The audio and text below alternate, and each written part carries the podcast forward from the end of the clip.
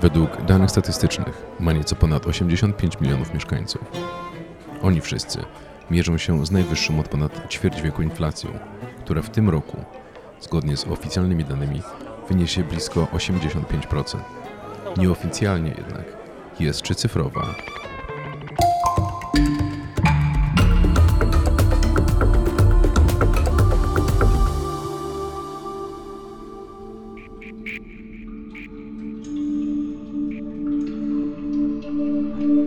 tym odcinku Outriders Podcast wraz z naszym reporterem na miejscu, Luisem Mikelem Hurtado, zabieramy Was na spacer po jesiennym Stambule, stolicy Turcji.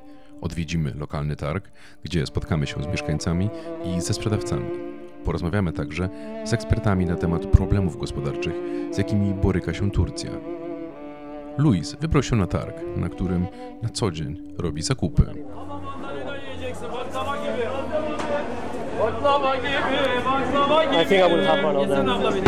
Są jak baklawa, tureckie słodycze.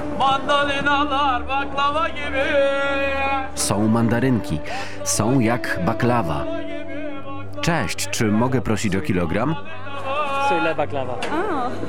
Czy mogę zapłacić kartą? Miyim acaba? 20 lira. 20 lira. Ben, ben Var? Tamam.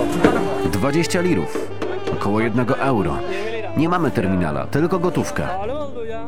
O, są drogie. Czemu? Nie mów, że są drogie. Ale kiedyś były tańsze. Dlaczego ceny wzrosły? Życie jest droższe niż wcześniej.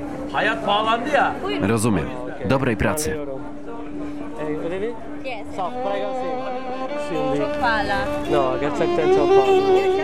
My też kupiłyśmy trochę rzeczy i są drogie. W zeszłym roku tak nie było. Mieszkam w Turcji od 10 lat. Obecnie zakupy stały się bardzo drogie. Ostatni rok czy dwa były straszne. Przyjechałam tu w latach 70. Od tamtej pory nie widziałam czegoś takiego. O tym, jak wyglądała turecka gospodarka w ostatnich latach zarządów prezydenta Tayyipa Erdogana, sprawującego władzę już 8 lat, oraz o tym, co zmieniło się w ostatnich latach dla mieszkańców i sprzedawców Turcji, zapytaliśmy Karola Wasilewskiego, eksperta do spraw Turcji i konsultanta 4CF, The Futures Literacy Company. Prezydent Erdogan jest już u władzy blisko 8 lat. Jak rozwijała się gospodarka w Turcji w tym okresie? Gospodarka Turcji rozwijała się całkiem dobrze do pewnego y, momentu. Y, Rozwijała się bardzo często zresztą w sposób, można powiedzieć, wzorowy, a przynajmniej Turcy argumentowali, bardzo cieszyli się, że gdy w innych częściach świata panował kryzys, poziom życia Turków zasadniczo zarządów Tajpa Erdoana do pewnego momentu podnosił się i to podnosił się w sposób zauważalny. Podnosił się też ze względu na poprawę jakości funkcjonowania usług publicznych, czy to szpitali, czy to kwestia szalenie ważna dla każdej gospodarki, czyli drogi. Czyli kwestia planów w ogóle gospodarczych, jakie Turcja miała i to, że jakiekolwiek plany miała. To znaczy, jeśli pojawiało się coś takiego jak nowy jedwabny szlak, w tym momencie pasji szlak, w Turcji od razu pojawiało się myślenie, jak możemy na tym skorzystać, jak możemy wbudować się jakoś, czy wkomponować się w tego typu plany. Dlaczego turecka gospodarka zaczęła wyhamowywać? Obecnie o Turcji, jeśli w ogóle, słyszymy głównie w kontekście ekonomicznym, w związku z gigantyczną inflacją. Skąd ona się właściwie wzięła? Kluczowym czynnikiem, dla którego turecka gospodarka zaczęła być zaniedbywana, było właśnie to. Zaczęła być zaniedbywana. Od 2013 roku tureccy politycy mają jasny priorytet cele polityczne. I cele polityczne stoją nad celami gospodarczymi. 2013 rok to już wiem, jest zamierzchła historia, w ogóle nie pamiętamy, co wtedy miało miejsce, bo przecież przy tym tempie wydarzeń, jakże pamiętać, ale w 2013 roku miały miejsce potężne protesty w Turcji. Początkowo w obronie parku Gezi, następnie protesty, które zamieniły się w no, taki wielkoskalowy opór wobec władzy Tayyipa Erdoana. Od tego momentu Tayyip Erdoğan przyjął po pierwsze retorykę, że tak naprawdę to to jest lobby stóp procentowych.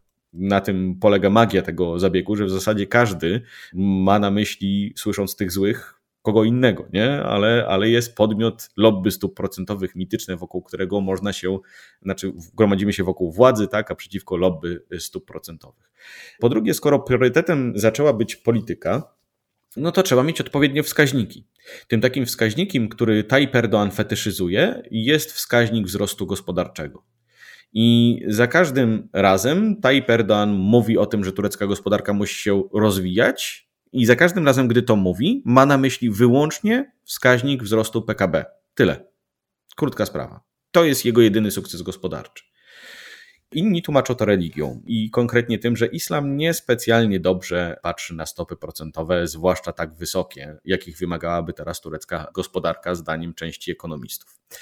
No, ale jest też oczywiście wskaźnik pragmatyczny, to znaczy wysokie stopy procentowe oznaczają no, po prostu droższy kredyt i droższą obsługę, a nie po to Tayyip Erdoğan ładuje tyle kapitału politycznego w rozwój, po pierwsze, tej biedniejszej części tureckiego społeczeństwa, żeby no po prostu utrudniać im koszty funkcjonowania. Ta biedniejsza część tureckiego społeczeństwa, oczywiście, która głosuje na niego. Nie po to Tayyip Erdoğan budował sobie całą rozległą sieć nepotystyczną, y, do której należy m.in. tak zwany Gang Pięciu. To jest y, pięć tureckich firm, należy do grona dziesięciu największych firm na świecie dotowanych z pieniędzy publicznych. Więc to jest kolejna wskazówka, co się stało z turecką gospodarką. Wszystko, tak jak powiedziałem, sprowadza się do tego prymatu polityki nad gospodarką. Bo trzecim elementem, chociaż może w zasadzie w tej wyliczance już czwartym, jest po prostu brak reform strukturalnych. Reformy strukturalne z reguły jednak trochę bolą, a ponieważ w Turcji od 2013 roku w zasadzie mamy permanentną kampanię wyborczą, no to nie ma czasu przeprowadzać tych mm, mm, reform strukturalnych.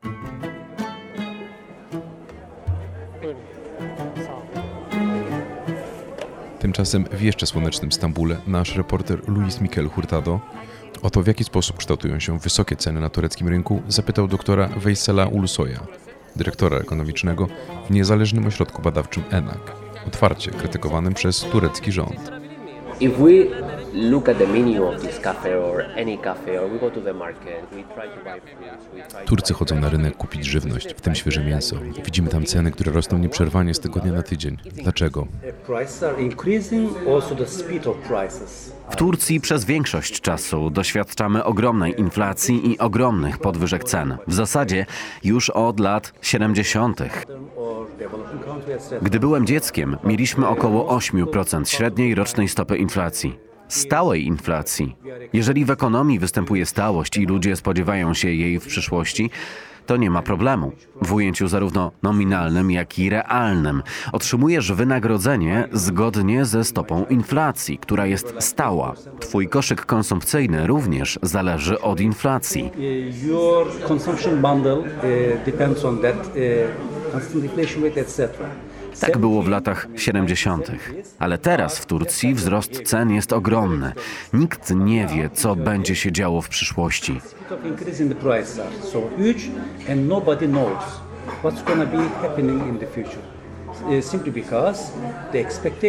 Jeśli oczekiwania ludzi co do przyszłości nie będą jasne, wszystko zostanie wywrócone do góry nogami. I konsumpcja, i inwestycje, a inwestycje i konsumpcja to przecież wynik działania ludzi. eventually investment is being done, consumption is being done by the people itself. Weźmy pod uwagę fakt, że od 60 do 65% całkowitego PKB pochodzi z koszyka konsumpcyjnego społeczeństwa. The inflation is hurting deeply the figures of the GDP as well. Oczekiwania, a raczej niepewność powodują jeszcze większą inflację. Niepewność ma negatywny wpływ na oczekiwania. Chodzi o to, aby w dzisiejszej konsumpcji nie odbijały się oszczędności i optymalizacja życia dziś i w przyszłości. I tu pojawia się niezbilansowanie. Co to oznacza? Konsumpcja, oszczędności, inwestycje, a nawet wydatki rządowe tworzą niezbilansowanie i źle wpływają na dane dotyczące PKB.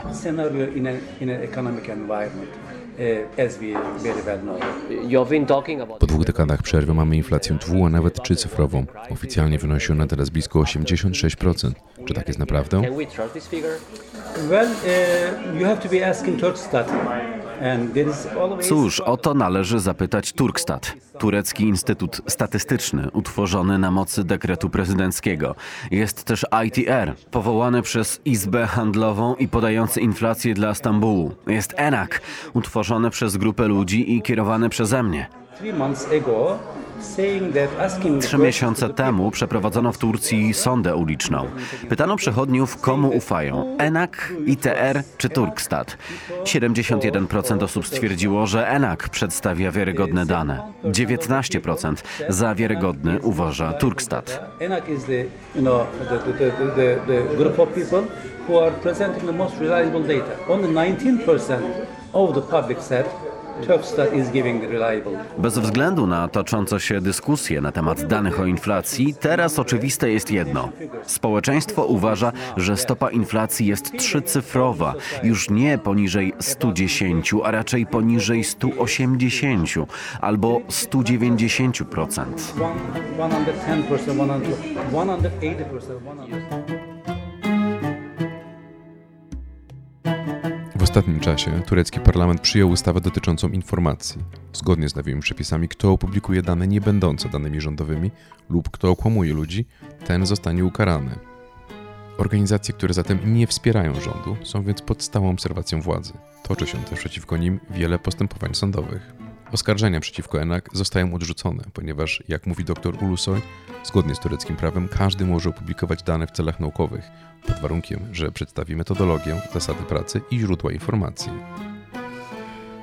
Tymczasem Karol Wasilewski wspomina, że odpowiedź na pytanie o dokładne przyczyny hiperinflacji będziemy mogli poznać dopiero za wiele lat, gdy Erdogan nie będzie już u władzy. Mnie się wydaje, że my tak naprawdę na to pytanie odpowiemy dopiero za 10-15 lat, kiedy Tayyip Erdoana już dawno nie będzie, kiedy będziemy dysponowali pełnymi danymi, bo teraz tak naprawdę bardzo wielu ekspertów powątpiewa w to, czy te dane, które publikuje Turcja, są w ogóle prawdziwe.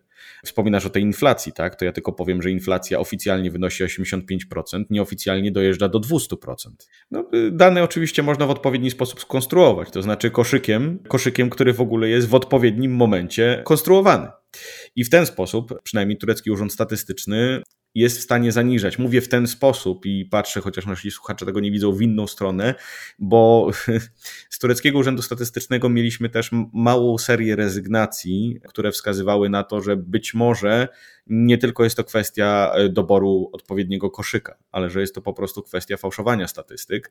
I zresztą, no, tak jak powiedziałem, wielu ekspertów, którzy zajmują się gospodarką, powątpiewa w te tureckie statystyki. Doktora Weysela Ulusoya z ENAK zapytaliśmy, czy to, że odczuwalna inflacja jest trzycyfrowa, mimo że rząd utrzymuje inaczej, ma konsekwencje dla opinii publicznej. Uh, Tak, na przykład od nowego roku, począwszy od 1 stycznia, wiele osób będzie mogło się spodziewać podwyżki płac w związku z wyborami, które będą miały miejsce.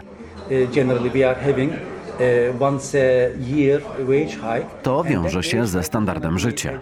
Ogólnie rzecz biorąc, dzieje się tak raz w roku i ta podwyżka płac zostanie dostosowana do inflacji na poziomie 85%. Większość ludzi w Turcji nie zobaczy jednak na swoich kontach bankowych pensji wyższej o 85%. 185%, and you are getting Ceny rosną o 80% 185%, a ty dostajesz 80% podwyżki. Różnica polega na tym, że spada zamożność społeczeństwa.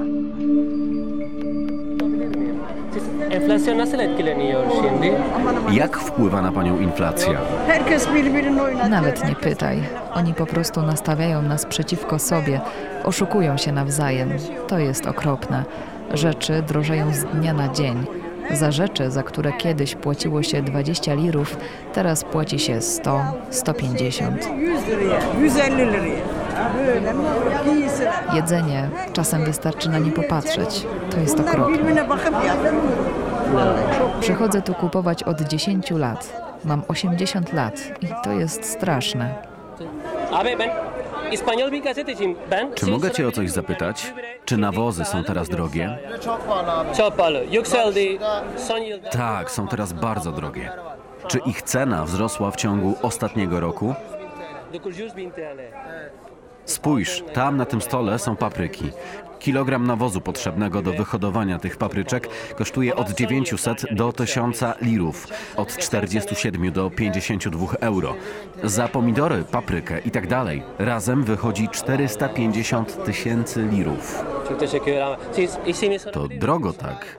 Ceny wzrosły od zeszłego roku. W zeszłym roku paprykę kupiłem za 300-350 tysięcy lirów, pomidory za 100-120 tysięcy. Ceny wzrosły trzykrotnie.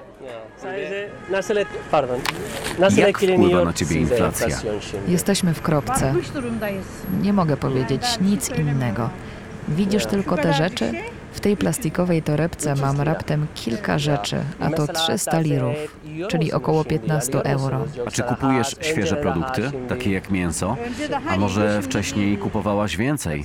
Wcześniej jadłam więcej, a teraz jem mniej. Mustafa Sonmez, ekonomista i autor książek na temat tureckiej ekonomii, wspomina, że Turcja walczy z ogromną stopą inflacji, czyli procentową zmianą poziomu cen w danym czasie. Dotyczy to zwłaszcza warzyw i innych produktów z podstawowego koszyka dóbr. Stopa inflacji rośnie do trzycyfrowej, dlatego de facto w Turcji występuje hiperinflacja. Tymczasem stopa bezrobocia w kraju we wrześniu tego roku wynosiła nieco ponad 10%. Mustafę Sonmeza zapytaliśmy o to, kogo najbardziej dotyka kryzys ekonomiczny. Jak sytuacja ekonomiczna wpływa na przeciętne tureckie rodziny? Well, actually, Cóż, żywienie odpowiada za prawie 30% budżetu przeciętnej rodziny. Drugi ważny aspekt to wydatki na mieszkanie. Trzeci to transport. Tak więc jedzenie, budżet żywnościowy są bardzo ważne. Być może rodziny tną wydatki w innych obszarach, takich jak edukacja, zdrowie, kultura. Dokonują cięć, rezygnują z tego typu wydatków i starają się wyżywić rodzinę. A ponieważ inflacja żywności zbliża się do 200%, wiele osób jest zmuszonych kupować tylko podstawowe produkty spożywcze. Nawet mleko, świeże mięso i warzywa są dla nich prawie towarami luksusowymi. A ze względu na ponad stuprocentową inflację cen tych produktów, ludziom zaczyna brakować jedzenia. Just out of malnutrition. Które klasy społeczne w Turcji są obecnie najbardziej dotknięte kryzysem?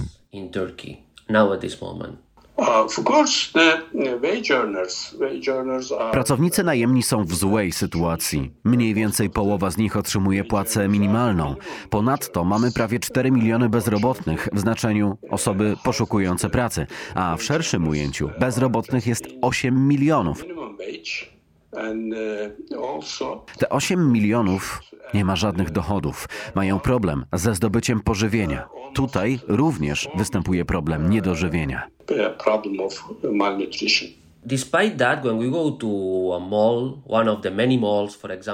Mimo to, kiedy idziemy do centrum handlowego, na przykład w Stambule, spotykamy mnóstwo kupujących, nie tylko obcokrajowców. Widać w Turcji dużą konsumpcję. Dlaczego tak się dzieje? In Turkey at this moment. Why is that? Uh, Niestety w Turcji jest ogromny problem z dystrybucją dochodów. Możliwe, że mamy tu jeden z najgorszych współczynników Giniego na świecie. uh, To współczynnik nierówności społecznej. Szczególnie w Stambule dochód narodowy jest rozproszony. To bardzo zła sytuacja. Niektórzy mogą konsumować, kupować, ale stanowią bardzo mały odsetek populacji. Można powiedzieć, że konsumuje może 5% całej populacji. Oni mogą kupić wszystko, na co mają ochotę, ale reszta ma problem, a dystrybucja dochodów jest coraz gorsza.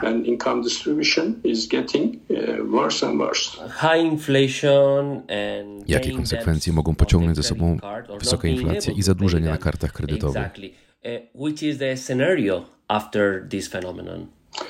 Well, uh, actually, uh, as uh, you follow, Jeżeli uh, śledzisz przygotowania do przyszłorocznych wyborów w Turcji, to wiesz, że Erdoğan zamierza zachęcić robotników do wzięcia w nich udziału. Nie jest to dobra sytuacja. uh, very happy in a happy, unhappy position. So he says, okay. Erdoğan mówi: Tak, jest wysoka inflacja, ale ja zwiększę twoje dochody i nie będziesz jej odczuwał. Czekamy więc na nową podwyżkę płacy minimalnej w grudniu. Czekamy na podwyżki płac, emerytur i innych świadczeń. Stanie się tak tylko ze względu na wybory, aby zadowolić robotników, aby odpowiednio zagłosowali. Tak więc w przyszłym roku budżet wzrośnie. Nikt tego nie ignoruje. To po prostu bardzo populistyczna polityka. Nie wiemy, czy ludzie będą zadowoleni z tych przedwyborczych ruchów. problems with uh, voters actually. There is a, a last question which is about Ostatnie pytanie dotyczy pomysłu prezydenta Erdogana, jego koncepcji stóp procentowych. Obniżanie stóp procentowych mające na celu pobudzenie całej gospodarki i ograniczenie inflacji na razie nie działa. Inflacja po prostu rośnie i rośnie. Co sądzisz o tej strategii? What's your take about this strategy? Where is it going? They have decided to uh, take this. Cóż, rząd postanowił trzymać stopy procentowe na jednocyfrowym poziomie. W przyszłym tygodniu również obniżą stopy do 9% z obecnych 10,5 i powiedzą: tak, zdecydowaliśmy, że stopy są jednocyfrowe. Inflacja w grudniu w skali roku spadnie z przyczyn czysto arytmetycznych. Powiedzą więc: widać, że stopy zostały obniżone i inflacja też zaczęła spadać. Taki jest plan, ale w rzeczywistości miesięczna inflacja nie spadnie. Co miesiąc będziemy świadkami co najmniej 3 lub 4% wzrostu inflacji. Uh, at least 3 or 4% uh. Właściwa polityka dla prezydenta Erdogana przestała mieć znaczenie. Kluczowe dla niego jest wygranie kolejnych wyborów, a ekonomia to po prostu środek do realizacji jego planów. Tymczasem z sondażu opublikowanego jeszcze w październiku tego roku przez Metropol, niezależną organizację badawczą zajmującą się badaniami społecznymi w Turcji, wynika, że gdyby wybory miały się odbyć niebawem, Erdogan wygrałby je stosunkiem głosów 48,5 do 47,7%. Kolaylar özür dilerim. İspanyol bir gazeteciyim ben. Şey sorabilir miyim size? Enflasyon nasıl etkileniyor size? Bir şey?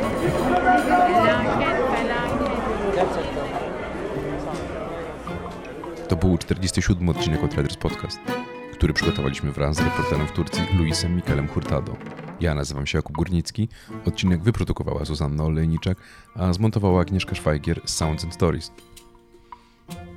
Chciałbym podziękować kilku osobom, które na co dzień wspierają nas finansowo i zgodziły się, żeby upublicznić ich nazwiska. Są to Przemek Szałaj, Adrianna Pierścionek-Podogrodzka, Mirosław Gałczyński i Władysław Saj. Zachęcam wszystkich, zachęcam Ciebie do dołączania do tego jakże pięknego i szlachetnego grona naszych patronek i patronów. Możesz wejść po prostu na patronite.pl łamane przez Outriders.